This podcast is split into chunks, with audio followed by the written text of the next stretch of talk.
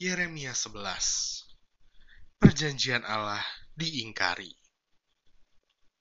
Firman yang datang kepada Yeremia dari Tuhan, bunyinya, Dengarlah perkataan-perkataan perjanjian ini, dan sampaikanlah itu kepada orang Yehuda dan kepada penduduk Yerusalem. Katakanlah kepada mereka, Beginilah firman Tuhan, Allah Israel.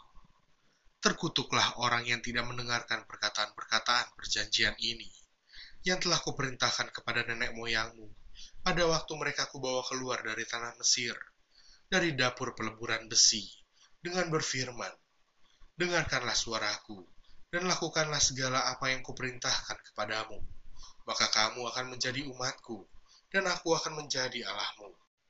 Sehingga aku dapat menepati sumpah yang telah kuikrarkan kepada nenek moyangmu, untuk memberikan kepada mereka tanah yang berlimpah-limpah susu dan madunya, seperti halnya pada waktu ini. Lalu jawabku, Begitulah hendaknya ya Tuhan. Berfirmanlah Tuhan kepadaku, Serukanlah segala perkataan ini di kota-kota Yehuda dan di jalan-jalan Yerusalem dengan mengatakan, Dengarkanlah perkataan-perkataan perjanjian ini dan lakukanlah itu. Sebab aku sungguh-sungguh memperingatkan nenek moyangmu pada waktu aku menuntun mereka keluar dari tanah Mesir. Sampai kepada waktu ini, aku memperingatkan mereka terus-menerus. Dengarkanlah suaraku. Tetapi mereka tidak mau mendengarkan ataupun memperhatikannya, melainkan mereka masing-masing mengikuti kedegilan hatinya yang jahat. Maka aku telah mendatangkan ke atas mereka segala perkataan perjanjian ini yang telah kuperintahkan dipegang, tetapi mereka tidak memegangnya. Berfirmanlah Tuhan kepadaku, telah terdapat persepakatan jahat di antara orang Yehuda dan penduduk Yerusalem. Mereka sudah jatuh kembali kepada kesalahan nenek moyang mereka yang dahulu telah menolak mendengarkan firmanku. Mereka mengikuti Allah lain dan beribadah kepadanya. Kaum Israel dan kaum Yehuda telah mengingkari perjanjianku yang telah kuikat dengan nenek moyang mereka. Sebab itu, beginilah firman Tuhan.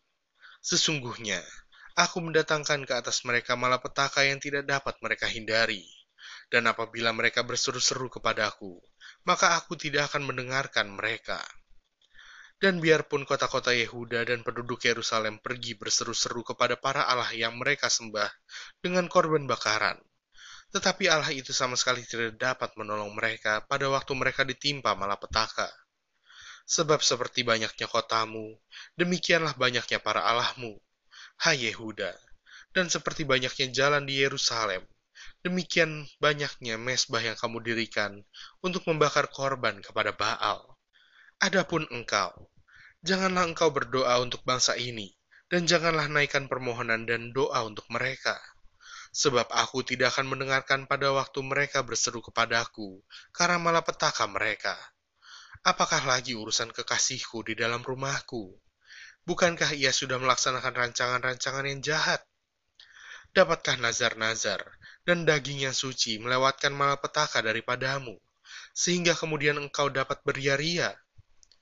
Pohon zaitun yang rimbun, elok dipandang mata.